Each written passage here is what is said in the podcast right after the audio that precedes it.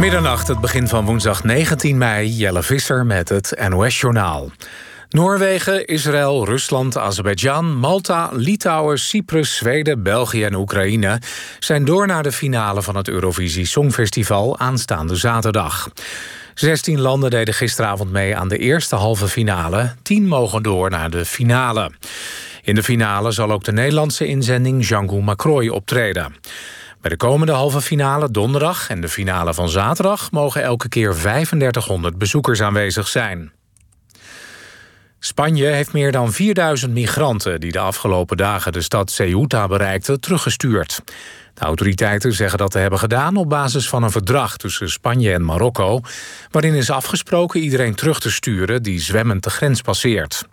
De afgelopen dagen kwamen duizenden migranten zwemmend of varend naar de Spaanse exclave vanwege de economische omstandigheden in Marokko. Het Spaanse ministerie van Volksgezondheid stelt voor om mensen onder de 60 die een eerste prik met het AstraZeneca-vaccin hebben gehad, de tweede keer in te enten met het vaccin van Pfizer-BioNTech. Dat melden Spaanse media. Uit onderzoek is gebleken dat het mixen van de twee vaccins veilig en zeer effectief is. Ook zou het aantal antilichamen zelfs 30 tot 40 keer groter zijn. Het ministerie van Economische Zaken laat meer onderzoek doen naar de aanleg van stroomkabels in het Waddengebied. Dat schrijft demissionair minister Van Dwout aan de Tweede Kamer. Het ministerie wil dwars door het oostelijk deel van Schiermonnikoog een kabel laten leggen om zo stroom vanaf een nieuw windpark op de Noordzee naar de Eemshaven op het vasteland te transporteren. Daar is veel protest tegen, onder meer van natuurorganisaties en bewoners van Schiermonnikoog. Ze vrezen dat de natuur van het eiland onherstelbaar wordt beschadigd. En dan het weer. Er zijn brede opklaringen en het is droog. De temperatuur ligt vannacht tussen de 5 en 8 graden. In het noorden kan mist ontstaan. Woensdag overdag kans op buien met in het binnenland kans op hagel en zware onweer. Tussen de buien door schijnt soms ook even de zon. Het wordt maximaal 15 graden. Dit was het NOS Journaal. NPO Radio 1. VPRO. Nooit meer slapen.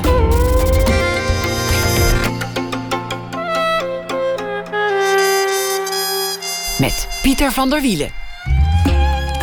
Goedenacht en welkom bij Nooit meer slapen. Niemand houdt van een sportbestuurder. Je hebt ze natuurlijk wel nodig, maar niemand houdt van de sportbestuurder. Zo'n zin kan mijn gast komend uur met kalmte poneren, ook al zit hij op dat moment in het hol van de leeuw bij Voetbal Insight op televisie. En ook al is hij zelf een groot deel van zijn werkende leven voetbalbestuurder geweest. In ieder geval uh, een van de bekendste van de afgelopen kwart eeuw. Michael van Praag is hier. Het was uh, tijd om zijn memoires op te laten tekenen. En Willem Vissers bleek meer dan in staat om dat te doen. Van Praag blikt daarin openhartig terug op zijn leven. Het gaat over zijn vader die onder moest duiken. Het gaat over zijn carrière als ondernemer in elektronica. En het gaat natuurlijk over voetbal. Michael van Praag had eigenlijk muzikant moeten worden, maar het lot beschikte anders. Hij werd eerst ondernemer en later voorzitter van Ajax. Dat deed hij 14 jaar lang. En daarna was hij nog een heel decennium topman bij de KNVB. En daarna zat hij nog in het bestuur van UEFA. Michael van Praag is geboren in 1947. Hartelijk welkom. Hartelijk dank. Iemand beweert over jou in dit, in dit boek dat je eigenlijk helemaal niet zo heel erg van voetbal houdt. Ja, dat is ten dele wel waar. Kijk, ik, ik vond vroeger op school speelden we buiten. Dat mocht nog. Hè. Nu mag je van de politie niet meer op straat spelen, maar toen wel. En ik vond het heel leuk om mee te doen. En dan gingen mijn vriendjes een partijtje kiezen. En dan bleef ik als laatste over. En dan zei ze, nou ga jij daar maar bij. Want ik kan er namelijk niks van. Ik heb geen balgevoel. Je hebt twee linkerbenen en geen balgevoel. Nee, vreselijk. En, uh, maar ik deed toch altijd wel mee.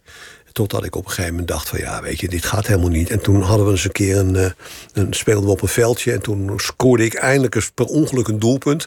En toen werd dat nog afgekeurd ook. Want een vriendje van mij was scheidsrechter, die keurde het af. Toen dacht ik, nou, dat is misschien, is dat wel wat voor mij om, om te gaan fluiten. En toen was ik 16 en toen heb ik een, uh, een cursus gevolgd bij de KNVB-afdeling Amsterdam. En toen werd ik scheidsrechter. Nou, dat, en dat heb ik 16 jaar gedaan. En dat vind ik heel leuk. Hè? Om proberen zo'n wedstrijd in goede banen te leiden. Hè? Want je loopt vaak op een vulkaan in een wedstrijd. Helemaal als het ergens om gaat. En om dat in goede banen te leiden, dat vond, dat vond ik eigenlijk uh, verschrikkelijk leuk. En, en het gevolg daarvan is eigenlijk dat als ik nu naar voetbal kijk, dan kijk ik eigenlijk door het oog van de scheidsrechtersrapporteur. Want ik heb helemaal geen verstand van een hangende spits. Of ik hoor ze wel eens zeggen de ruit vooruit. Nou, weet ik veel wat dat is. Dat weet ik echt niet. Dat heb ik nooit geweten. En, en, en, en ja, 4-3-3, dat weet ik wel wat dat is. Maar, maar dan hield het al erg op. Dus ik kon ook redelijk emotieloos vaak naar uh, voetbal kijken. Want ik was met die scheidsrechter bezig. Dus, maar is het dan ook als je met de blik van de scheidsrechter kijkt... dat, dat het niet eens echt uitmaakt wie er wint... zolang ze zich maar aan de regels hebben gehouden? Dat maakt mij uh, inderdaad weinig uit. Maar bij Ajax wel. en, bij, en bij, het Nederlands bij het Nederlands elftal natuurlijk ook. want dan zit je er voor de KVB en dan is Oranje is jouw team. Maar dat is maar een paar keer per jaar. Maar, maar bij een voetbalclub heb je elke week een wedstrijd. Dus dan is het elke week winnen of verliezen. Je wil kampioen worden. Ja, dan maakt het je wel uit. Maar dan nog, dan zat ik naast onze penningmeester Arie van Os. En dan hoorde hij mij zeggen, goed gezien scheids. En dan gaf hij mij, nou, wat nou goed gezien? Het is toch tegen Ajax? Ja, dat is wel zo, maar hij heeft het wel goed gezien. Hij had wel gelijk. Dus het is een hele rare positie waar je dan in zit. Maar ja, dat, dat komt nou eenmaal omdat dat scheidsrechter, dat, dat neemt je dan te pakken. Dus je, je keek neutraal, terwijl je het natuurlijk niet kon zijn? Nou, niet als Ajax-voorzitter hoor. Dan nee. was ik zo. Nee, want ik moest op een gegeven moment zelfs moest ik, uh, pilletjes nemen tegen de nervositeit. Ik was, uh, ik was net voorzitter en, uh, en ik kwam dus uit een periode dat ik bijna niet naar het voetbal was geweest. En toen opeens kwam ik bij Ajax. En nou, Ajax was bijna failliet. We wilden die club weer omhoog brengen. Nou, en we hadden hartstikke goede voetballers. Dan wil je ook winnen. Ja, en na, na drie, vier weken, jongen, was ik opeens sloeg dat helemaal om. En was ik zo nerveus. Dat ik naar de dokter ben gegaan. Gezegd, dokter, ik kan zo niet bij een wedstrijd zitten. Heeft u iets voor me? Toen kreeg ik Inderal. En Inderal is een adrenaline-remmend middel. Dus daar kon ik wel rustig van blijven. Maar, maar hoe gaat dat? Op een gegeven moment heb je aan één interralletje niet genoeg. Dus dan neem je twee interralletjes. uiteindelijk, oh, nog uiteindelijk eindigde ik met drie interralletjes. En dan zat ik een beetje zo naar die wedstrijd te kijken. En dan gaf Van Osma weer, weer een, een peut. Want die zat altijd naast me. Zei hij, man, wat zit je daar als een zoutzak? Het staat al 3-0. Nou jongen, dat had ik helemaal niet in de gaten. En toen dacht ik, ja, wacht even, dat is niet gezond. Dus toen, toen ben ik daar toch wel weer mee gestopt. En toen heb ik mezelf wel redelijk uh, in bedwang kunnen houden. Ja. Dat is het verschil. Stel, stel je bent directeur van, ik noem maar wat, Philips. Dan, dan kun je zeggen, dit wordt een minder jaar, want we zijn aan het investeren. Maar volgend jaar dan hopen we winst te gaan maken. En dan streven we naar een groei van zoveel procent ja. over vijf jaar in de voetballerij kan je dat natuurlijk helemaal niet zeggen. Want je weet niet of je gaat winnen. Je weet niet of je kampioen wordt. Je weet niet of je gaat verliezen. Je weet niet of je een rode kaart krijgt. Nee. Dat lijkt me voor zeg maar, de directeur van het bedrijf onmogelijk werken. Dat, dat, is ook onmogelijk werken. En daar hebben ze allemaal mee te maken. Want de bal kan net tegen de paal gaan of niet. Of net uit of niet. En ja, dat is het lot van, van het voetbal. Dus wat je, wat je eigenlijk moet doen, je moet je moet het dusdanig uh, faciliteren, zo'n club, dat is eigenlijk je, het doel van een bestuurder. Je moet faciliteren dat de voetballers en de trainers en de technische staf optimaal kunnen presteren. Dat is wat je doet als bestuurder, meer niet. dat je de omstandigheden creëert, goed stadion, goede technische staf, goede kleedkamers, noem het allemaal maar op. Dat is eigenlijk je taak. Uh, en als je dan goed financieel beleid voert, en we hadden gelukkig een penningmeester in Arie van Os die dat heel goed kan. Dan kun je langzamerhand. Kun je, uh, en je hebt een goede jeugdopleiding, niet te vergeten bij Ajax. Want dat is de, de kurk waar we op draaiden. En dan moet je een beetje mazzel hebben dat je net een generatie hebt uh, die heel goed is. En dat is wel eens minder en dat is wel eens meer. Ja, dan kan je het niveau van je team wel dusdanig opvijzelen dat er toch wel wat meer zekerheid komt uh, in de kans dat je zo'n wedstrijd wint. Maar je leeft toch tussen hoop en vrees. Absoluut, elke keer.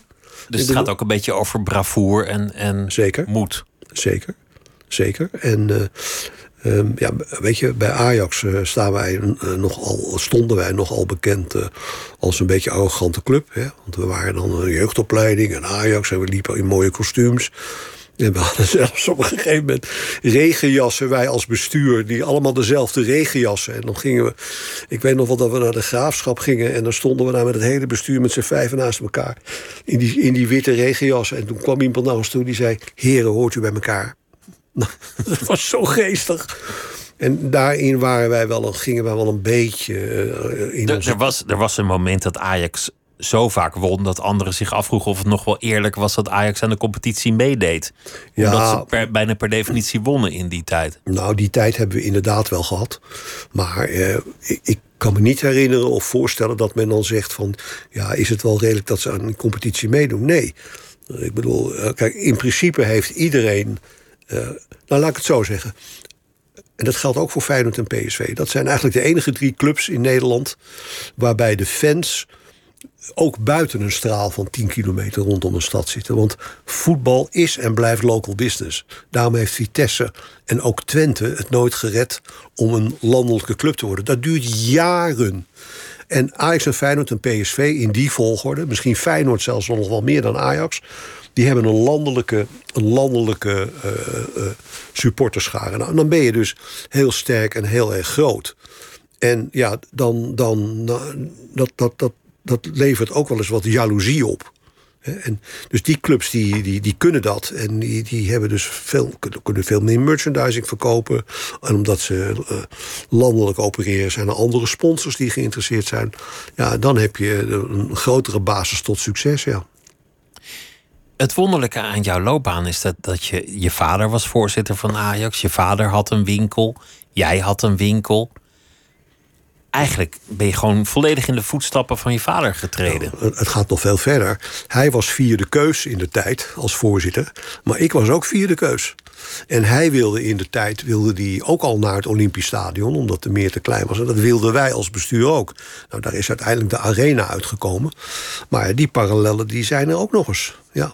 Was dat een gevecht met hem? Of een, of een nee, soort... want nee, mijn vader heeft het helaas niet kunnen meemaken dat ik uh, voorzitter werd. Want, uh, maar het gevecht kan doorgaan, ook als iemand er niet meer is. Nee, ja, nee, nee, nee. In, in mijn boek daar, zeggen, daar zeggen twee mensen dat ik. Uh, dat zij dachten dat ik mijn vader heb, heb proberen te overtreffen.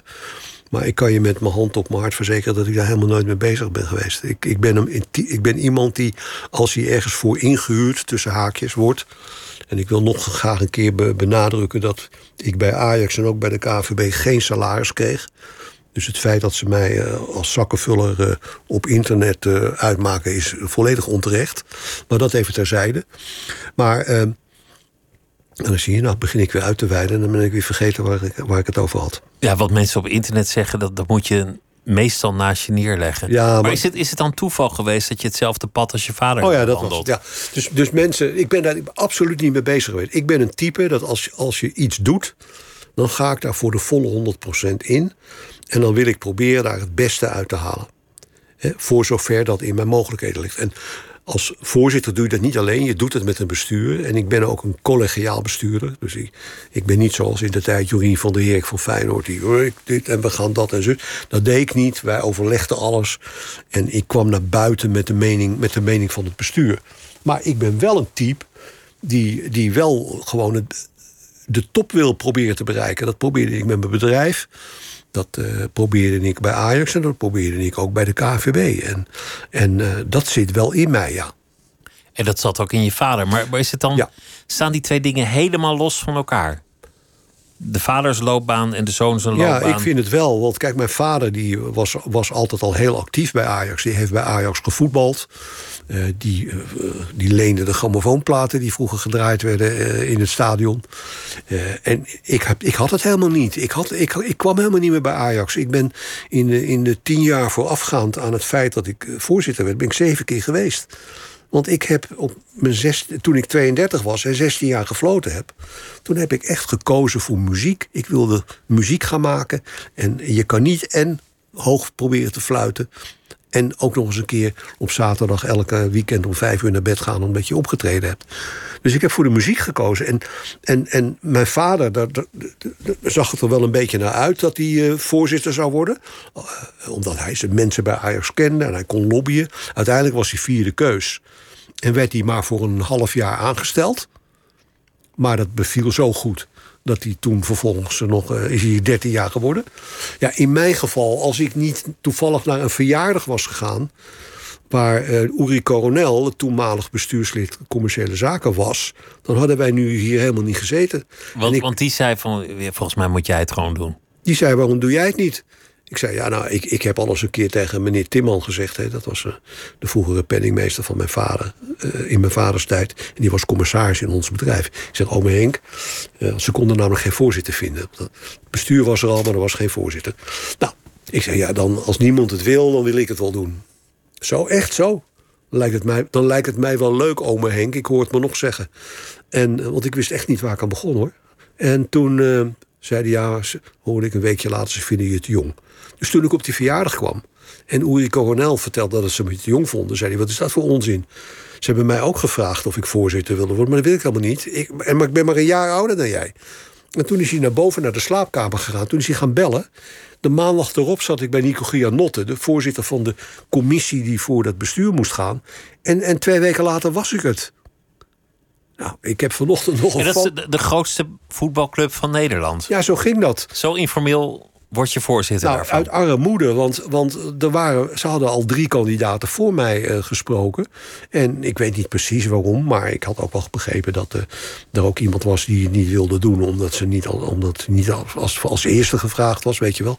Ja, mij kan het niet schelen of ik uh, derde of vierde keuze was. En toen, hè, toen, toen ik het wel gekozen werd, dacht ik ook, nou ja, mijn vader was ook vierde keuze, dus uppatee, ik ook dan maar. Daar moet je Ja, dan niet moeilijk over Zo doen. raar is dat gegaan. Jouw, jouw vader is, is wel een bijzondere man geweest. Je, je vertelt in het boek iets over zijn achtergrond, over, over zijn verleden. Ja. En, het, en het verhaal van zijn, zijn onderduik vond ik eigenlijk heel aangrijpend. Ja, dat heel, was, heel beklemmend ook. Ja, dat was het ook. Eh, mijn vader heeft eerst in Zeist ondergedoken gezeten. En eh, vervolgens heeft hij nog op één of twee adressen gezeten. En uiteindelijk op de Overtoom. Boven een fotowinkel. Maar die man die eh, die fotowinkel dreef, die, die winkel, die, wist helemaal niet dat hij daarboven zat. Eh, en ja, toen waren de huizen nog niet van beton. Dus als jij eh, over de vloer liep, dan hoorde je, kon, je boven, kon je beneden horen dat er iemand over de vloer liep. Hoorde je geklos. Ja, precies, hoorde je geklost. Dus hij moest, s ochtends als die winkel open ging om negen uur... dan moest hij op een stoel gaan zitten. En dan kon hij er s'avonds, als die winkel sloot... om zes uur kon hij er pas weer vanaf. Hè, dus ook niet naar de wc. En, eh, en, en daar zat hij dan maar gewoon de hele dag. En, en, en hij was voor de oorlog getrouwd met een eh, vrouw... en die heeft hem in de oorlog verlaten voor een ander. En zijn vriend André Kraan, met wie ik later in het bestuur zat... en Ton Brandsteder, de vader van Ron... dat waren de beste vrienden van mijn vader... die kwamen dan s'avonds, uh, als die winkel dicht was om een uur of zeven... dan kwamen ze naar mijn vader toe om te vertellen wat er in de stad gebeurde. Dan gingen ze klaverjassen en zo. Ja, en dan hoorde mijn vader dus van... Uh, ja, Leni is weg, Leni is er met een ander vandoor. Terwijl je niks kan doen, hè? je zit maar op die stoel uh, drie jaar lang.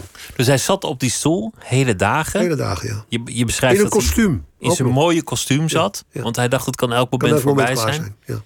En op die manier hoort hij dat, ze, dat zijn vrouw hem verlaten Ja, heeft. en dan kan je niks doen. Je moet gewoon zitten. En afwachten wat er gebeurt. En uh, nou, hij is ook nog een keer bijna verraden. En uh, nou, dat is goed afgelopen. En uh, toen kwam hij de oorlog uit. En toen hoorde hij ook dat zijn vader en zijn moeder en zijn zusje waren vergast. Ja, weet je, en toen sloeg die man helemaal dicht. En, en, en heeft hij dat ook niet kunnen verwerken. Ik weet het niet. Kijk, tegenwoordig ga je nog wel eens naar een psychiater. Uh, die kunnen je dan helpen.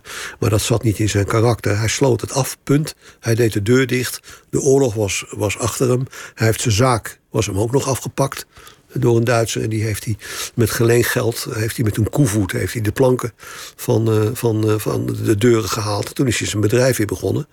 En dankzij Cor Oort van Bovema, IMI, het latere IMI... die gaf hem krediet door om platen te lenen. En zo heeft hij die zaak opgebouwd. Maar over de oorlog sprak hij nooit meer. Dus je hebt, je hebt, dit allemaal eigenlijk van anekdotes of horen zeggen van, van andere familieleden? Ja, van, en maar ook van mensen eh, bij wie hij on, die hem verzorgde in, in de oorlog, bij wie hij ook ondergedoken heeft gezeten. Ik was bijvoorbeeld een keertje bij een, een, radio, een televisieprogramma van de VARA, nee, van de AVRO, van Karel van der Graaf. Die had vroeger had hij een, een, een, zo'n zo'n praatprogramma.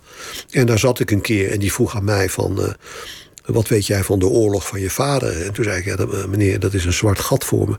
Want hij sprak er niet over. Hij heeft er tot zijn dood niet over, niet over gesproken. Daar sprak hij nooit over. Nou, en toen ging ik naar huis en toen werd ik de volgende ochtend gebeld door, door een geëmotioneerde mevrouw. En die woonde in Zandvoort. En die zei: Maar meneer Van Praag, meneer Van Praag, ik weet het, want ik heb in de oorlog zijn haar nog met zo'n krom nagelschaartje geknipt. Nou, toen ben ik daar naartoe gegaan en toen heeft ze me wel een aantal dingen verteld. Uh, maar ook heel beperkt, hoe, alleen maar hoe die daar zat. En, uh, en dat toen hij de oorlog uitkwam, dat hij gewoon zei: ik praat er niet over. En er zijn heel veel Joodse mensen die, uh, die dat zo doen, die, die daar niet over spraken. En je zei dat bijna verraden was. Wat weet je daar eigenlijk van? Nou, daar weet ik van dat er op een gegeven moment uh, uh, zat mijn vader daar met vrienden. En, ehm, en een van zijn vrienden was Toon Renes. En onder de trap, daar was een, een, een, een hok. Daar moest hij dan in als de Duitsers kwamen. En nou, daar werd beneden gerommeld, aan de deur geklopt. En hij werd in het hok gestopt. En toen kwamen die Duitsers op die verdieping. En nou, die namen, dus die Toon, Renes die daar was, die namen ze mee. En in het, in het vertrek heeft die Toon, die heeft zo dat haakje wat op, die deur, deur, op dat deurtje zat nog kunnen losmaken. Zodat hij er nog uitkomt. Want anders dan had hij daar gezeten. Dan had hij daar misschien... Verhongerd of wat Verhongerd of wat ook. Nou, en hij heeft een keertje... Uh, heeft hij, dat was voordat hij op de Overtram zat. Toen zat hij ook in de Laressenstraat, heeft hij ook nog gezeten. En daar werd hij op een gegeven moment uit het huis gehaald. En werd hij met een paar mensen tegen een muur gezet. Niet om hem dood te schieten, maar werd tegen een muur gezet. Met een paar, uh, paar geweren en met een paar soldaten die, die, of NSB'ers die hem vasthielden. En op een gegeven moment kwam er een soort lege kolonne voorbij van die Duitsers. En dat maakte nogal veel lawaai. En, en dus die, die mannen die die hem bewaakte, die draaide zich om om naar die, om naar die uh, uh, kolonne te kijken. En toen, toen zijn ze in, uh, in, in de verwarring zijn ze weggerend. En zo heeft hij kunnen ontsnappen? Zo heeft hij kunnen ontsnappen, ja. Maar, maar zei, hij, hij sprak er niet over, nee. maar hij was wel duidelijk getraumatiseerd, zou je nu zeggen. Ja, nu zou je zo iemand getraumatiseerd noemen. Wat, wat merkte je daarvan? Nou, je merkte daarvan dat hij heel erg graag wilde leven. En heel erg graag uh, in uh, wilde laten zien dat hij bestond. En dat hij, hij wilde echt iets van het leven maken. Hij wilde iets van het leven maken. Uh, kijk, hij wilde, hij wilde net als oom Max, hè, zijn broer, Max van Praag, die was vroeger zanger. En uh, die was uh, heel anders. Die, die sprak juist wel heel erg veel uh, over de oorlog. En de, zijn onderduikouders uit Boskoop... die zaten ook nog gewoon op, op zaterdag of op zondag bij oma Max thuis. En mijn vader dus niet. maar Max was een beroemde zanger in die tijd. En die had zelfs zijn eigen radioprogramma's bij de VARA. En op vrijdagavond. En ehm, dus mijn vader wilde dat ook. Die, die wilde nou echt zijn broer overtreffen. Dus die ging op een gegeven moment ook een talentenprogramma presenteren. En die ging, uh, toen hij op een gegeven moment uh, kreeg hij de gelegenheid in 1967 om een contract te krijgen op Schiphol voor een uh, tax-free shop. Nou, dat heeft hij gedaan, want hij wilde ja, laten zien, ik kan wat. Nou, en dan kun je je dus voorstellen, toen Ajax om de hoek kwam, hè, dat was natuurlijk helemaal wat voor hem. Want ik moet zeggen, niet alleen hij, maar de Van Pragen, als ik het zo mag zeggen, dus dat geldt ook voor mij. Ja, die houden wel een beetje van applaus. Dat moet ik wel eerlijk zeggen. Erkenning is belangrijk, gezien ja, worden. Erkenning, gezien worden. Nou, en, en, hij had dat heel erg sterk na de oorlog. Je zei dat hij verlaten was door, door zijn, zijn vrouw tijdens ja. de oorlog. Jouw moeder is ook bij hem weggegaan. Ja. Nou, wij hadden een eigenlijk heel erg leuk gezin. Ik kan mij herinneren, dat kwam ook door de oorlog. Hè. Wij werden schandelijk verwend. Ik bedoel, ik was vijf jaar en ik had dan een elektrische trein. En dan moet je nagaan, heb ik het over 1952. Hè? Dat was waarschijnlijk niet te betalen, maar dat had ik. En blokken, dozen en dinky toys had je toen al. En uh, mijn vader had een vriend die in Amerika woonde, oom Piet Smit. En die, die, die stuurde vanuit Amerika een trapauto. Dus ik had dan zo'n trapautootje en dan de tax tegen rijen dik de mensen te kijken. Dus we werden vreselijk verwend. En we hadden daarna, we zijn op een vijfde jaar naar Amstelveen verhuisd... eigenlijk best wel heel erg leuk. Wij verkochten televisies, dus wij waren als eerste met een televisie. Dan mocht op woensdagmiddag had je Dappere Dodo. En dan had je van de KRO Tante Hanny, dat was de omroepster. Dan moest je naar zwaaien. En, nou, dat was allemaal heel... En morgen gebeurt het met Dries Krijn. Dat was ook zo'n fantastische uh, serie. En uh, dat ging over de ruimtevaart. Nou, en dan mochten vriendjes komen kijken. Dus, en op verjaardagen, hè, vroeger was kip, dat was een luxe. Dus op mijn verjaardag even kip met doppertjes. En, en dan kwam er een goochelaar. Dus ja, mijn ouders hebben, hebben ons toen hele erg eh, leuke jeugd gegeven. Alleen, ze hadden veel ruzie. Nou, Het en- was geen goed huwelijk. Nee, het was geen goed huwelijk. En mijn vader was toen eh, bevriend met Jack Philips. Jack Philips eh, is een zoon van een van de oprichters van Philips. En die was directeur van Phonogram. Phonogram was de platenmaatschappij van Philips. Dus wij waren, hij was een hele goede klant van Phonogram. En eh, mijn moeder zou naar die oom Piet in Amerika gaan. Waar ik Want straks je vader had een platenwinkel, dus die, had die een platenwinkel op het spui. En nou, met name heel veel klassieke muziek. Normaal is de verhouding populair eh, klassiek is ongeveer 80-20. Maar bij ons was eh, klassiek populair 60-40. Dus we hadden heel veel klassieke muziek. Nou ja, Phonogram was een groot eh, klassiek platenlabel. Fontana had je ook nog. Dus mijn vader was daar klant. En dus wij gingen ook wel bij oom Jack, zo heette die, gingen we op visite in Hilversum. En die was toevallig getrouwd met Annie de Reuver, waar ik nu nog in mijn band liedjes van zing. En, eh, maar goed, dus op een gegeven moment zou mijn moeder naar die oom Piet in Amerika gaan.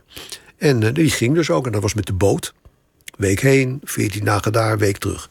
Dus na een maand, en je, had toen nog geen mobiele telefoons, dus je kon ook niet even bellen, hoe is het in Amerika of zo.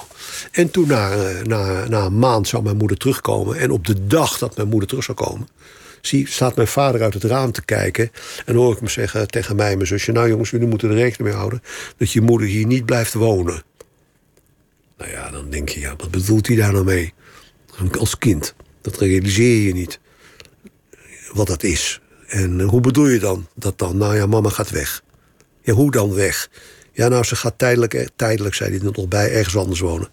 Nou, en toen kwam mijn moeder aan. En die had cadeautjes meegenomen uit Amerika. Prachtige dingen. En die ging vervolgens weg. Dus hij, eh, behalve dat ze ons in de steek liet, heeft ze hem natuurlijk ook in de steek gelaten. Dus dat was alweer de tweede keer dat hij in de steek werd gelaten. Weet je? Verlaten voor een ander ook, om het extra ook nog eens een te keertje. maken. Door- En zijn beste vriend. Verraden. Zijn beste vriend ook nog. Want dat was Jack Phillips inmiddels. Ja, dus die was weer verraden, weet je. En, eh, maar goed, dat heeft hem eh, uiteindelijk eh, is dat een vechtscheiding geworden tussen mijn ouders. Want eh, eh, mijn moeder dacht van als ik die kinderen daar laat zitten, dan wijst de rechter die kinderen wel aan mij toe. Zo was dat vroeger ook. De kinderen moeten bij de moeder. Maar ja, die rechter zei: ja, maar mevrouw, u bent zelf weggegaan. En ook nog wel stiekem. Dus wij werden aan mijn vader toegewezen. Nou, dat was voor mijn moeder een grote tegenvaller. Dus die ging weer in hoger beroep.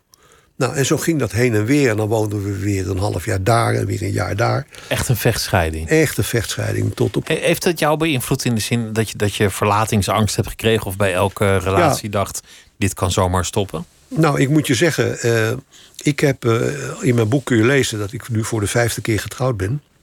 En nu 21 jaar hoor. En ik heb ook een dochter van 21. Dus ik ben nu gelukkig getrouwd. Maar daarvoor trouwde ik altijd meteen. Weet je, als ik een, eh, als ik een vriendin had. Ja, je moet natuurlijk. Je, je hield wel. Je hield wel van elkaar. Anders Je vond het wel leuk natuurlijk. Natuurlijk, hartstikke leuk. En zij mij ook. En, ehm, maar ik ging altijd meteen na een jaar al trouwen. Nou, dat was ook nog wel in het begin ging je ook niet zo van ik ga eens vijf jaar samenwonen. Dat was in die tijd nog niet zo. Een samenlevingscontract had je niet. Dus ik ging meteen trouwen. En toen ik aan mijn boek begon en ik het daar met Willem Vissers over had, toen zei ik, het, toen zei ik eigenlijk tegen hem, toen hij vroeg waarom is dat eigenlijk, zei ik ja, nou ja, weet je, eh, ik, ik ging altijd meteen trouwen omdat ik dacht van nou, ik vloog veel, ik ging veel naar Hongkong toen al en naar Singapore. En al, ja, als ik dan neerstort, weet je, en dan, dan is ze niet, ach, niet verzorgd achtergelaten en dat moet toch. En, en weet je, nou, dus ik, omdat ik onder de categorie verzorgende mannen val, zoals dat heet, als je in het Nederlandse hokjesgeest, dacht ik, dan moet je dus ook trouwen. Dus dat deed ik. En ja, nou, Maar misschien wilde je ze ook wel een beetje vastleggen. Een soort, ja, maar soort dat, daar kwam ik dus achter. Want eh, eh, doordat, doordat ik zo met Willem over mijn, eh, over mijn eh, verleden ben gaan praten. En over het feit dat mijn moeder ons verlaten heeft. En En, en, en toen dacht ik opeens, halverwege dat boek... ik zeg maar Michael, het is helemaal geen uh, weldoenerij van je... dat je maar meteen ging trouwen omdat je die dames wilde verzorgen. Je hebt gewoon verlatingsangst. Je wilde ze meteen binden, want je was bang dat ze meteen weer weg zouden lopen. Nou, en daarom was dan ook het, uh, het, het, het verdriet was dan groot... als bleek dat dat huwelijk niet liep. Want we zijn nooit uit elkaar gegaan omdat er een ander was. Maar wel gewoon omdat het niet ging. En dat we beiden zeiden, ja, we zijn eigenlijk niet helemaal echt gelukkig. Nou, en dan ga je uit elkaar. Dat regelde ik altijd goed. En dan vervolgens binnen de kortste keer ging ik weer trouwen, weet je. Een soort van alsof ik niet alleen kon zijn. Maar het is, je kan ook zeggen, want je hebt, je hebt in Hollywood heb je van die acteurs die dan 16 keer getrouwd zijn. Dus ja. met die vijf keer valt het allemaal nog mee. En dan In- denk in- ik wel ja. altijd, dan zijn ze niet cynisch geworden. Want, want als je echt cynisch bent geworden of teleurgesteld, dan trouw je één keer daarna nooit meer. Nee. Dus je bent, je bent vijf keer in goede hoop naar het altaar gegaan. Zeker. En er zijn ook, je kunt ook zeggen dat het van moed getuigt. Dat je toch elke Precies. keer weer gaat trouwen. Exact. En zo zie ik het ook hoor. Zo zie ik het ook. Het getuigt van moed. En dan had je toch elke keer weer die teleurstelling. En ik ben er ook helemaal niet trots op. Want ik heb natuurlijk ook eh, mijn, mijn vroegere partners verdriet gedaan. Een aantal heb ik nog steeds contact mee. En dat is ook leuk. En dan mo- dan moeten we ook nog wel eens een keer vreselijk lachen om, eh, om hoe die dingen dan vroeger gingen. Maar ehm, ja, weet je, het, het, het is natuurlijk niet leuk. Daar, daarvoor, daarvoor doe je dat niet. Het kan ook zo zijn met verlatingsangst dat je verlaat om te voorkomen dat je verlaten wordt. Dat je bij het Ja. eerste stormpje meteen er vandoor Nou, gaat. dat niet, want we, dat niet. Want, want we hebben toch altijd wel geprobeerd om dat huwelijk nog wat te redden. Dat hebben we echt wel geprobeerd. Eh, maar je kan achteraf kun je je altijd afvragen van... eh, ja, heb ik er wel genoeg aan gedaan of zo, weet je? Dat, dat, dat heb je natuurlijk altijd. En ik heb, kan me ook wel een situatie herinneren dat ik denk... nou, daar had ik nog wel iets meer aan kunnen doen. En ehm, ja, het is gewoon... eh, ik denk dat dat toch... Mijn, ik zeg nu dat het echt met mijn jeugd te maken heeft. Dat dat zo gegaan is. En misschien had ik wel eens ooit me moeten laten helpen... bij een psychiater of iets dergelijks. Om, om dat een plek te geven en om daar beter mee om te gaan. Als ik nu terugkijk, denk ik... ja, dat zou beter geweest zijn. Want dan zou je ook minder verdriet eh, veroorzaakt hebben. Zeker. Maar... ehm, nou goed, die tijd ligt nu inmiddels alweer... eh, Ja, je ja, bent al 20 jaar, 21 Ja. jaar met, met, die met je vrouw. Ja. Het, is, het is wel. eh, Maar ik, heb, maar ik ga, ik ga nog, nog één, nog één openbaar... Want we zitten nu toch zo Ja. eh, openhartig te praten. Eh, ik, heb- ik heb het in die... Ik heb het in die, eh, in, in die in mijn boek ook over het feit dat ik wel theaterproducent ben geweest met Janke Dekker. En dan waren er theaters die ons niet boekten. Terwijl we best wel producties hadden met vier sterren. Eigenlijk allem- allemaal vier sterren. Weet je, en dan voelde ik me afgewezen. Dat is zo raar. Dan, dan voelde ik mij dat was persoonlijk. dan voelde ik mij persoonlijk afgewezen. En in die verkiezingenstrijd die ik heb gevoerd, en vooral bij de UEFA, eh, dat mensen eerst zeiden van ik, ik steun jou, ik ga voor jou. En dan eh, gedurende de rit dat toch niet deden. En om redenen die ik nu heel goed begrijp, want dan moest er een jongere vent komen, een nieuwe generatie. Ik begrijp het nu allemaal wel. Maar op dat moment voel ik me afgewezen. En dan denk ik, waar komt dat dan van? Komt dat misschien ook van het feit dat eh, je moeder wegging en je dus in wezen ook liet zitten en afwees? Ik weet het niet. Het is voer voor psychologen. Maar dat het mij mijn leven, eh, in mijn leven achtervolgd heeft, eh, dat staat wel vast. Dat is sowieso interessant in, in, in de, de wereld van het voetbal zoals die beschreven wordt. Dat je, dat je soms eigenlijk dingen helemaal niet zo persoonlijk moet nemen. Dat, dat je je makkelijk over een ruzie heen moet zetten. Dat iemand zich tegen je keert en dat moet je niet persoonlijk nemen. Nee, maar, Het, maar- het helpt je eigenlijk nooit om kwaad te worden of om, om dat- animositeit erop na te houden. Nee, dat klopt en dat kan ik ook heel goed. Want ik, eh, ik heb best wel heel veel meningsverschillen en, eh, en tegenover mens gestaan in het voetbal. Maar ik ben ook altijd de eerste die het daarna weer goed maakt. Hè? En zelfs met journalisten. Want ik heb met journalisten ook wel eens vreselijk in onmin min, min geleven. Maar dat, ma- dat maak ik dan uiteindelijk toch wel goed. Maar weet je, dat vind ik niet zo erg. Maar als ze tegen je liegen, daar kan ik echt niet tegen. Als mensen tegen Wat, je... wat gebeurt er dan? Nou ja, als, dan zeggen mensen tegen mij... ik stem op jou. En stemt vervolgens op, op iemand En anders. Stemt vervolgens op iemand anders.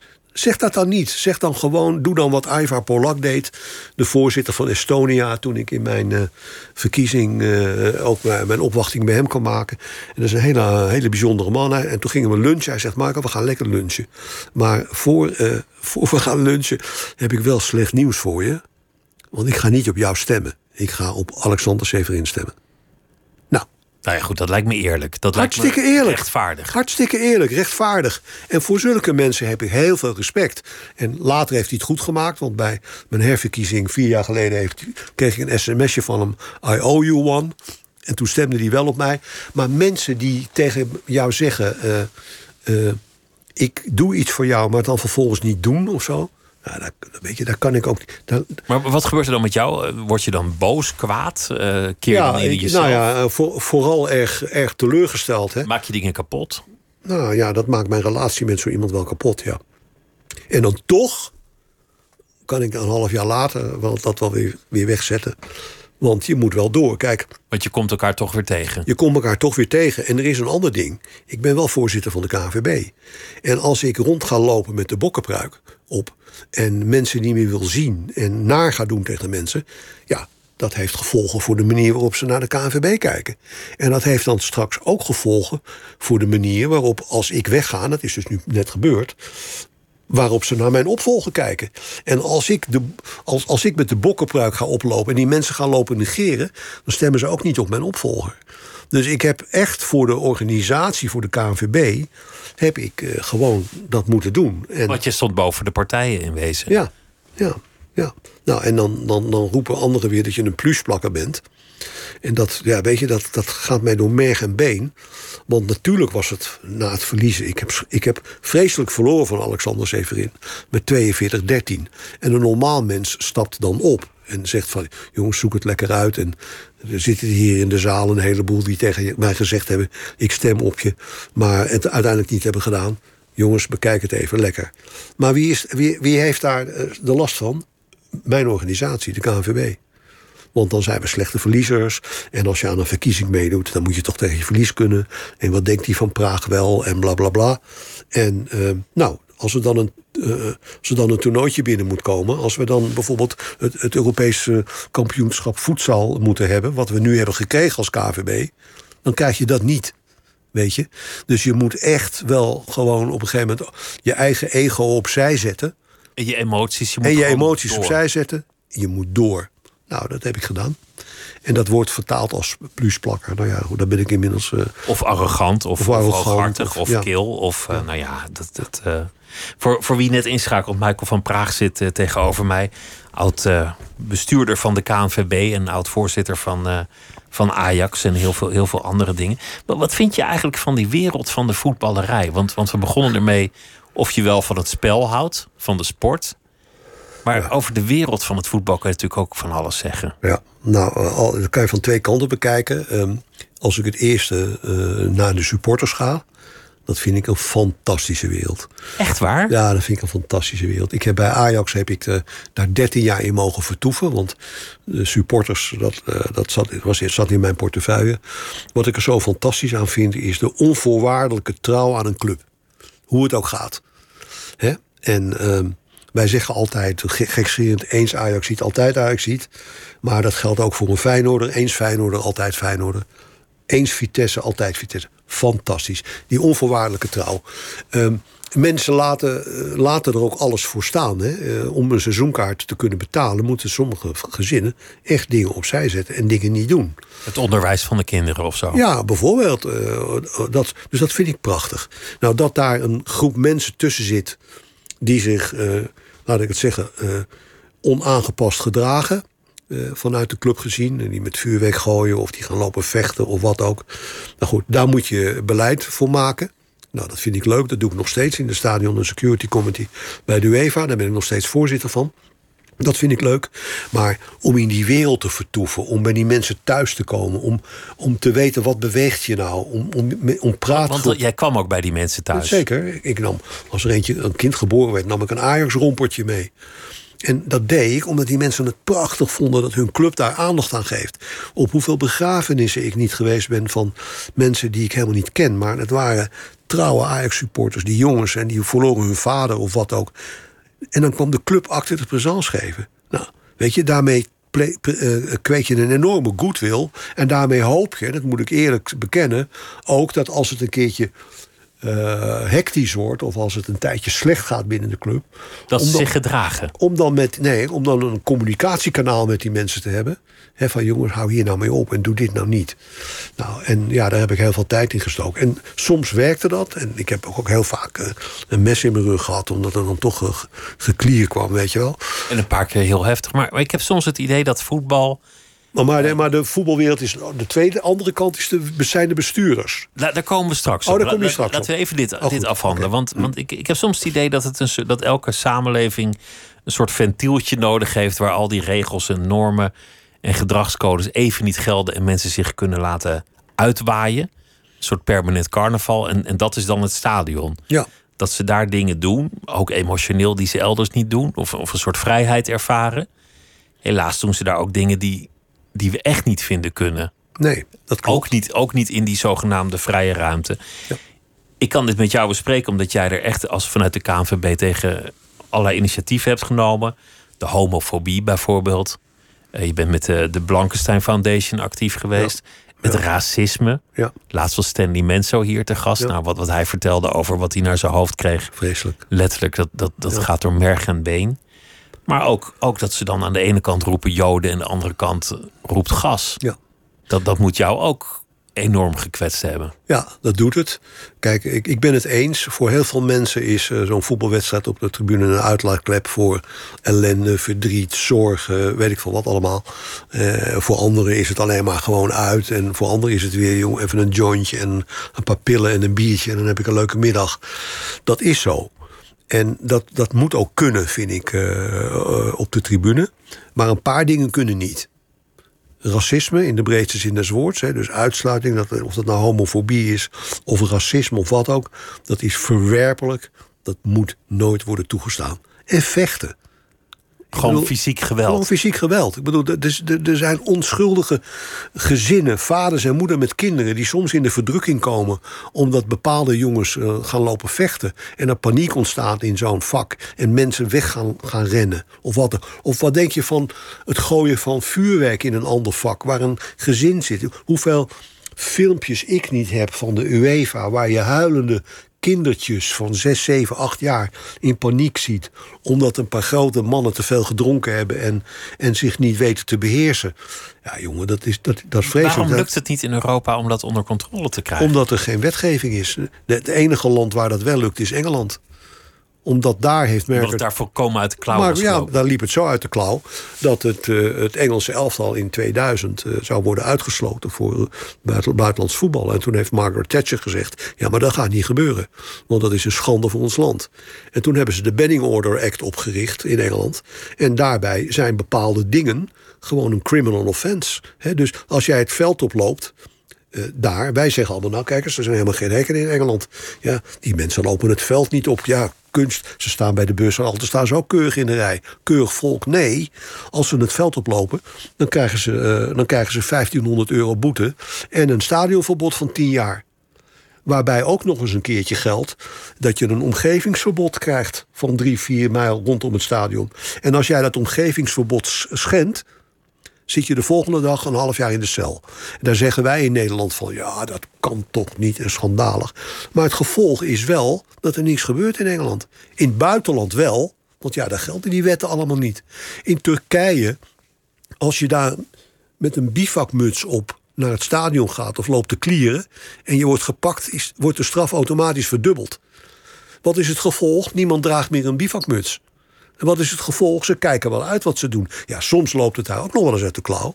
Maar weet je, wij zijn in Nederland. Zoals het WK 94 in Amerika. Ja. Daar werd in één keer zo hard opgetreden door, door, de, door de regering in de VS. dat het daarna een heel rustig en fijn toernooi was. Zo is het. En wij hebben helaas een polderland. Eh, Op sommige punten is dat heel prettig. Maar eh, ik heb daar zelf ook zoveel tijd aan besteed om te komen tot een goede voetbalwet. Eh, maar dat krijg je in, dit, in dit land krijg je dat niet voor elkaar. Ja, ja, zeggen ze, dat is niet nodig, want de wetgeving die we hebben is al goed genoeg. Nou ja, een, een rechter kan inderdaad een stadionverbod uitvaardigen. Maar in de 32 jaar dat ik eh, voorzitter ben, is dat misschien zes keer gebeurd. Maar je bent wel eens met de F-site mee naar een uitwedstrijd gegaan. Ja, Vitesse. Ja. dat is een grappige anecdote. Moet ik hem vertellen? Ja, als, als je wil, graag. Ik was uitgenodigd door de F. Ik kende die jongens allemaal goed. Ze hadden mijn 06-nummer en zo. En Mike, Mike, Mike, ga nou eens een keertje mee naar een uitwedstrijd. Ik zei, nou, dat is goed.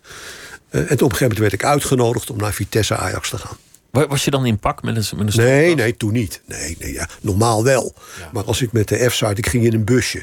Dus ik had ook een spijkerbroek aan en een trui en een, en een jek, geloof ik. Want het was niet zo warm meer. Maar we waren te laat in Arnhem. En die wedstrijd was al begonnen. En het was nog in het oude stadion, Monnikenhuizen.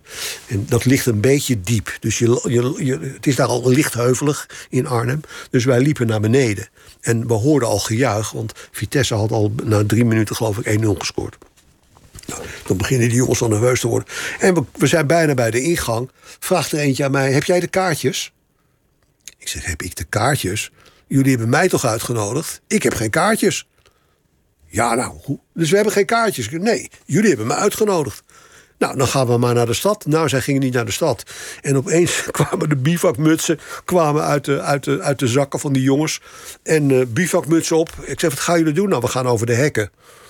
Nou jongen, en ik liep daar en ik had al op, op een halve meter afstand... had ik al een politiehond aan mijn kuiten. Ik denk, jezus, de voorzitter van Ajax... stel je voor dat we aangehouden worden. Dat kan niet, dat komt in de kranten. Wegwezen hier. Nou, toen heb ik nog een aantal uh, zo gek gekregen... om met mij mee terug te lopen. Een paar zijn inderdaad de hek overgeklommen. En toen hebben wij op, in Arnhem op een terrasje een biertje gedronken. Maar die wedstrijd heb ik niet gezien. Het was wel grappig geweest als je gepakt was met ja, dat zou, Nou ja, ik zou dat niet zo grappig hebben gevonden, want dat gelooft toch niemand dan.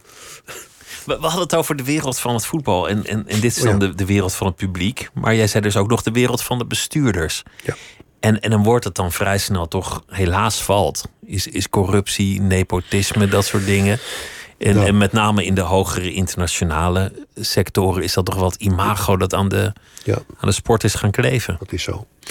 Uh, als je even laag kijkt, dan viert het opportunisme natuurlijk hoogtij. Uh, je kunt met, met, met een gemiddelde voetbalbestuurder kun je geen afspraak maken voor de lange termijn. Want uh, dat zie je ook nu bij, de, bij het betaald voetbal in Nederland. Ze denken uiteindelijk allemaal aan zichzelf. En uh, dus, dus het is heel lastig om om, om goed beleid te voeren op, uh, op de lange termijn. En uh, als je ook in Nederland kijkt, de KNVB is een vereniging, dus de clubs bepalen. Dus dat is lastig. Maar als je in het hoge bestuurlijke uh, jargon kijkt, en dan kijk ik naar de FIFA, niet de UEFA, ik wil het nog graag een keer gezegd hebben. Ik heb nooit in het FIFA-bestuur gezeten, maar ik heb natuurlijk wel, net als iedereen, gezien dat daar in dat bestuur. Je bent er dichtbij geweest, op zijn minst. Nou ja, ik, ik, heb, ik ben er wel dichtbij geweest, ja zeker. En met de Holland-Belgium bid, toen we samen met de Belgen geprobeerd hebben om het uh, wereldkampioenschap naar Nederland te krijgen in 2018. Ja, toen zijn we met die corruptie uiteindelijk ook in aan, aan aanmerking gekomen. In aanraking gekomen. Maar ja, daar zaten mensen in het FIFA-bestuur ja, die, die, die nou echt hun zakken gevuld hebben. He, maar, die, maar hoe ging dat dan als je nou, dan, dan, verkochten ze, dan kochten ze bijvoorbeeld de televisie, dan kochten ze bijvoorbeeld de, de rechten van, uh, uh, van, van, uh, van het wereldkampioenschap voetbal van de FIFA. Dat kochten ze dan en dan bedongen ze met, bij de zendgemachtigden dat een bepaald percentage aan hun werd gegeven omdat hè, er zijn meerdere bieders. Nou, en dan geef ik het aan jou, maar dan moet je me wel wat geven. Nou, dat gebeurde. Er zijn natuurlijk ook tal van landen. Kijk, de, de UEFA, de, FIFA, maar de UEFA ook. Al het geld dat binnenkomt, wordt weer gedistribueerd. Nou, dus er gaat elke keer, er gaat bijvoorbeeld uh, elk jaar drie, drie ton naar elke bond voor infrastructuur. Nou, er zijn ook landen waar ze twee voetbalvelden hebben. Ja, en dan, ja, dan wat, wat, wat moet zo'n land met die drie ton? Nou, daar zijn, er zijn voorbeelden zat dat zo'n voorzitter dan uh, daar zelf ook iets van in zijn zak staat. Uh, Heeft hij met jou wel eens een mooi geschenk gegeven of, of iets toegestopt? Lag er wel eens iets op je, op je hotelkamer? Nee, er lag nooit iets. Oh, nee, ook geen dames trouwens. Nee, nooit. Of, of een zakje diamanten? Nee, of ook geen zakje diamanten. Maar, maar de, we hebben wel eens een keer, dat is wel een leuk verhaal. Uh, we hebben wel eens een keer uh, van de Braziliaanse voetbalbond. Dat is niet om wat te krijgen. Maar de Braziliaanse voetbalbond die kreeg het in zijn hoofd om uh, na de, w, de, WK die daar was, om elke voorzitter van de landen die daar gevoetbald hadden een horloge te geven. Nou, mag ik die anekdote even vertellen? Ja. Want daar ben ik door het oog van de naald gekropen. Um, Hans Jortsma was ploegleider, was elftalbegeleider. En die zei, op een gegeven moment zei mijn assistente... er ligt nog een tas voor je beneden van de Braziliaanse voetbalbond. Want ik, die heeft Hans Jortsma meegenomen. Want zij zijn later teruggekomen dan ik. Ik zei, ja jongen, ik heb al zoveel tassen. Ik hoef helemaal geen tas. Ja, nee, maar er zit nog een ander cadeautje voor je. Ik zei, wat zit er dan in? Nou, dus kwam Hans Jorsma dat brengen, zat een horloge in. Ik heb nog nooit zo'n lelijk horloge van mijn leven gezien. Ik denk, nou ja, vijf tientjes, zes tientjes... met een goed klop plastic bandje, zo'n groen bandje. Nou, dat neem ik dan wel mee, dan heb kan ik het aan iemand uh, cadeau doen. Maar het was zo lelijk, dat ik heb dat thuis gewoon in mijn prullenbak gegooid. En dank heeft mijn vrouw dat eruit gehaald. Want wat gebeurt er? Dat bleek een horloge van Parmigiani te zijn. Heel duur merk. Van geloof ik 20.000 euro. Zo. Maar het was niet om aan te gluren, dat ding. En ik had het weggegooid. God dank heeft mijn vrouw dat uit de prullenbak gehaald. En die heeft dat aan onze hulp in de huishouding gegeven. Want die had een broer, die, die, die kwam uit Wit-Rusland. En uh, wij kregen een brief. Ja, meneer Van Praag, u heeft dat horloge gekregen van de FIFA. Dat moet u binnen 30 dagen teruggeven. Want anders dan krijgt u de ethische commissie achter u aan. Dus ik zeg tegen Yvonne, waar is dat horloge? Ja, zegt ze, dat heb ik uit de prullenbak gehaald... en dat heb ik aan uh, Julia gegeven. En nu is het in Wit-Rusland. Oh, hoe krijg ik dat terug? Nou, godzijdank heb ik dat teruggekregen. En uh, heb ik het terug kunnen brengen. En heb ik die, die broer een ander horloge gegeven. Maar stel je toch voor dat mijn vrouw dat niet uit de prullenbak had gehaald. Dan was dat op de vuilstort in Bloemendalen terechtgekomen. Dat had ik nooit kunnen bewijzen. Had ik de ethische commissie achter me aangehad... dan was ik misschien wel geschorst geweest voor een jaar. Vreselijke dingen. Dus je moet zo uitkijken wat, uh, wat je doet. Ook wel grappig dat je helemaal niet kan zien aan een horloge of het duur nou, is. Nou, daar kan ik er wel een paar van laten zien hoor. Ja. Lelijke horloges die toch duur zijn. Ja. We, we, staan nu natuurlijk met, met het, uh, het grote toernooi voor de boeg dat, dat uiteindelijk via Platini en Sarkozy is bedongen. De, de plek waar het uh, ja, terecht en, is gekomen. En Bimaman, hè, de, de, de man van Qatar. Ja, en, en niemand wilde dat het naar Qatar ging. Ineens was het in, in no time beslist, omdat er andere politieke belangen aan vasthingen. Ja, iedereen die zegt dit, dit ruikt, die heeft volgens mij wel een punt. Nee, maar, maar goed, dat, dat is ook zo. Ik bedoel, eh, in mijn boek kan je lezen dat uh, wat Platte met Platini had afgesproken op dat punt. Het zou naar Amerika gaan. Uh, nou, dat was de bedoeling. En er zijn een paar dingen gebeurd. Het belangrijkste is dat Platini werd gebeld door Sarkozy. Weer komen lunchen op, op de Elysée, want ik moet iets met je bespreken. En toen kwam hij daar binnen, toen zat de emir van Qatar daar. En want dat wist Platini ook nog niet toen hij werd uitgenodigd. Nou, en vervolgens kwam Platini uit die lunch. En toen heeft hij Blatter opgebeld van ja, ik heb een probleem. Maar ik ga niet voor Amerika stemmen, ik ga voor Qatar stemmen. Nou, daarna heeft, bleek ook, heeft Qatar allerlei investeringen gedaan in Frankrijk. Ze hebben geloof ik wapens gekocht. En uh, ze hebben uh, uiteindelijk Paris Saint-Germain zit daar. En een paar mensen krijgen een baan. En, en, en later, maar dat wisten wij allemaal helemaal niet. Dat is allemaal pas na de toewijzing bekend geworden. En, en ook pas na de toewijzing, ongeveer een jaar daarna, bleek die Bim Haman van Qatar, die, dat bestuurslid, die ook in het FIFA-bestuur zat. Die bleek hier en daar met, uh, met dollars gestrooid te hebben om een aantal bestuursleden van hem uit het FIFA-bestuur zo ver te krijgen dat ze voor Qatar zouden gaan. Maar nu hangt er een donkere wolk boven, boven het kampioenschap. Met, met uh, nou ja, de, de, de, hoe heet dat, werknemers die ja. om het leven zijn gekomen. De, ja. de, de arbeiders die het stadion moesten bouwen. De mensenrechten schendingen. Ja, de hele zweem van corruptie eromheen. Dat is, nou, dat is ook waar en dat is ook terecht. En ik, ik, ben, er, ik ben er ook hartstikke tegen hoe dat gaat daar. Uh, alleen, ja, die stadions die zijn ze natuurlijk ook pas twee, drie jaar na de toewijzing gaan bouwen. He, dus die, die, die, die, hele schande van, van, van de manier waarop mensen daar behandeld worden... dat begon eigenlijk drie, vier jaar nadat het was toegewezen.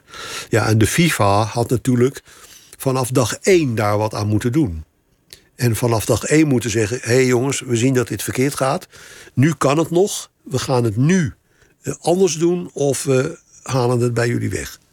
Dat zou ik gedaan hebben als ik uh, voorzitter was geweest. Maar goed, Dat is niet gebeurd. Ja, en dan kom je in een situatie dat het onmogelijk is om je eruit terug te trekken. Omdat je al te ver Je gevorderd bent al te ver gevorderd, stadions zijn al gebouwd, je krijgt claims die je nooit kan terugbetalen. Dat gaat gewoon niet meer. En toch En heb je een heel fijn triest. gevoel over, over die sector. Over, over die sport. Over eigenlijk alles wat om dat voetbal heen hangt. Wat, bedoel je? Daar, daar heb je toch een fijn gevoel over. Je, je kijkt toch terug op een nou ja, je, voetbal. van, het is nee, een fijne ik, wereld. ik kijk, nou, ik kijk een fijn gevoel naar eh, hoe het in Nederland gegaan is. Daar, daar hebben we dat soort dingen niet. En eh, daar kan je, ondanks het feit dat clubs niet verder kijken, gemiddeld genomen dan eh, de omheining van hun eigen hek, kun je met die clubs wel eh, een goede, goede relatie hebben. En dat, dat, dat is leuk. En weet je, ik, ik, ik, ik ben een van de initiatiefnemers van de Youth League van de UEFA. Dat werd eerst door een commerciële instantie gedaan. En ik heb ze daar kunnen overtuigen dat wij dat moesten gaan doen. Dus ik ben daar een beetje de geestelijk vader van. Ja, daar ben ik wel trots op. En daar heb ik hele leuke vergaderingen over gehad. En, en in mijn UEFA-tijd en mijn KNVB-tijd was ook hartstikke leuk. Maar ja, soms krijg je wel eens te maken met landen... waar ze andere, er andere normen op nahouden dan, dan wij dat doen. En de belangen zijn groter. En de belangen zijn groter. Ja, precies. Te- tegenwoordig kom je een beetje terug bij wat je eigenlijk altijd in je leven wilde doen. Dat vertelde je net. Je droom was muzikant worden. Dus toen, toen de voetballerij een beetje begon te trekken, dacht je dag. Ik moet, ik moet optreden in het weekend. Ja. Ik heb geen energie voor, voor twee dingen. Nee. En dat, dat pak je nu eigenlijk wel Nou, weer ik op. pak het nu weer op. Ik ben er eigenlijk. eh, ja, met, eh, ik speel in twee banden. The Perfect Five, dat is een jazzcombo met een hartstikke goede zangeres.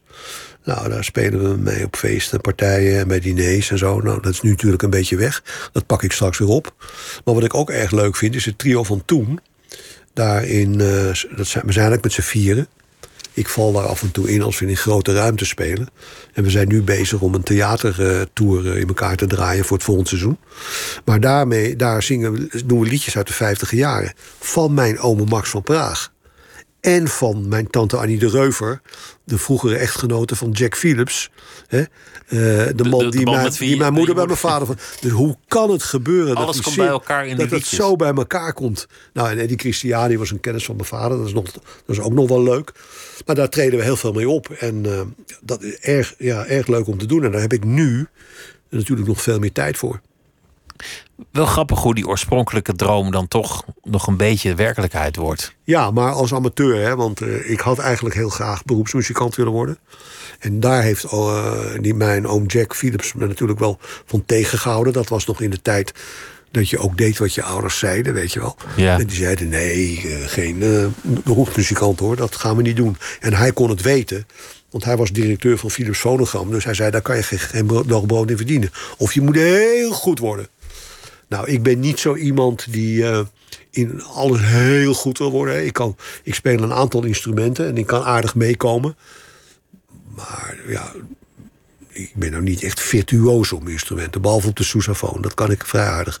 Maar ik kan niet swingen op de piano. En ik, ik ben niet een tes- technische drummer, maar ik ben wel strak. Nou, dat, dat, is, dat, is, dat is ook weer een, ga, een, een kunstje wat je dan hebt.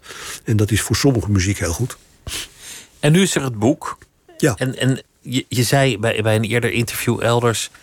Ja, dan weet mevrouw eigenlijk waar ik al die jaren heen was. Ja, als ik en- er niet was. En mijn vrienden ook. En je vrienden. Dan kan je eindelijk een keer op, in een boekje geven en zeggen: waar was je al die tijd? Ja, ja precies. Hier En- was ik. Ja, en dit heb ik allemaal gedaan. En, en ik heb er ook in proberen eh, weer te geven. Dat ik ook wel eens in geestesnood zat daar gedurende eh, die dingen. En dat je soms ter plekke hele rare beslissingen moest nemen.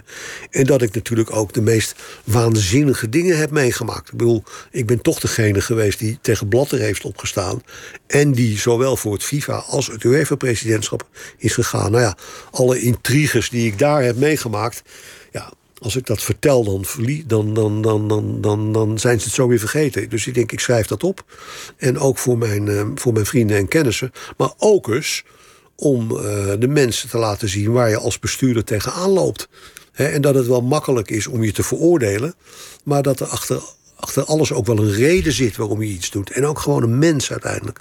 Kijk, Wat, wat, dat noemde je terloops. Dat mensen vrij makkelijk roepen: hey, zakkenvuller. Of eh, weet ik veel, allerlei verwensingen aan het adres van de bestuurder. ja, Vermoedelijk vrij makkelijke oordelen.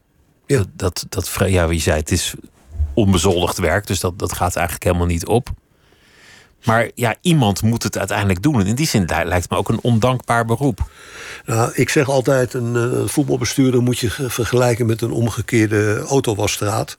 Je gaat er schoon in en je komt er vuil uit.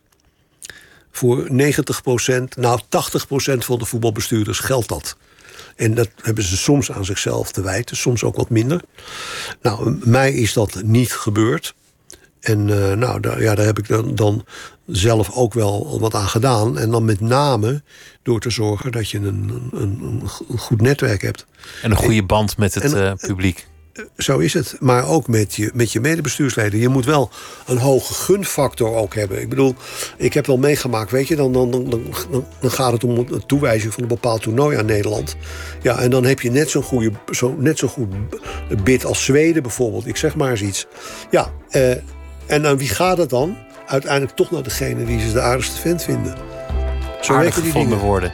Dank je wel dat je te gast wilde zijn, Michael van Praag. En het eh, boek heet Van Praag achter de coulissen van het voetbal. Dank dat je langs wilde komen.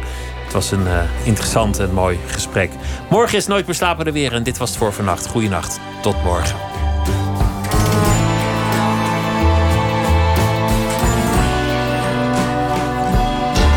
Op Radio 1. Het nieuws van alle kanten.